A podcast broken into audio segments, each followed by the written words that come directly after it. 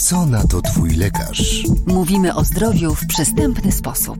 Jestem Matylda, chodzę do siódmej klasy. Zapraszam na lekcję dla serca.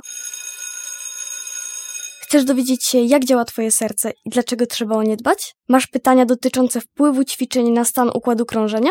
Dziś Twoim lekarzem jest kardiolog dr Konrad Kas. Witam, panie doktorze. Dzień dobry, witam. Dlaczego mówimy, że serce jest motorem naszego organizmu? Jak to działa? Serce jest traktowane jako pompa i rozprowadza krew po całym organizmie, w związku z czym możemy to porównać do takiego silnika w samochodzie. Co radzi twój lekarz? Jak w codziennym życiu w prosty sposób możemy zadbać o serce i układ krążenia, jeżeli jest taki ważny? Dbajmy o całe ciało, to i serce nam też będzie pomagało w życiu. Nie zatruwać go niepotrzebnie jakimś jedzeniem niezdrowym. Dajmy mu odpocząć. Serce cały czas pracuje, nawet jak śpimy, ale jak śpimy, to ono może pracować troszeczkę wolniej, więc ten sen jest bardzo ważny. Nie siedźmy w nocy przed komputerem, przed telefonem. Oszczędzajmy trochę to serce. A co na to twój lekarz? Czy aktywność fizyczna wpływa na zdrowie serca? Jeśli tak, to w jaki sposób? Jak najbardziej. Aktywność fizyczna pozwala nam na zwiększanie naszej wydolności. W warunkach zdrowego życia mamy możliwość uprawiania sportu, szczególnie tutaj jakieś gry zespołowe, bieganie, aktywność fizyczna, tak zwana cardio, czyli takie dużo biegania.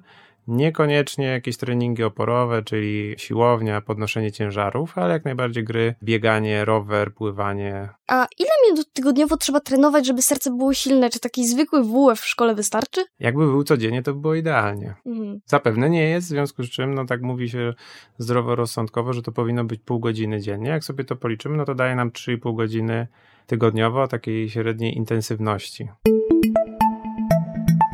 Jakie badania powinniśmy wykonywać, aby upewnić się, że nasze serce jest zdrowe? Jako młodsi dorośli powinniście być u lekarza od czasu do czasu osłuchani i zrobione EKG. A jak cokolwiek się dzieje, no to należy to zgłosić, czy rodzicom na początku, a później lekarzowi, żeby mógł sprawdzić, co można z tym zrobić i czy trzeba coś zrobić, czy to jest normalny proces fizjologiczny, którego nie rozumiemy, który się pojawił, czy to jest proces patologiczny, chorobowy, który trzeba wyjaśnić. Co radzi twój lekarz? Czy e-sport to też sport? To jakby wpływa na nas jakoś? Czy jest to dla nas zdrowe? No, jest to coś nowego. Wszyscy nazywają to nadal sportem. Przypomina to bardziej siedzenie na trybunach stadionu niż sport, o którym byśmy myśleli w rozumieniu dla dobra naszego serca.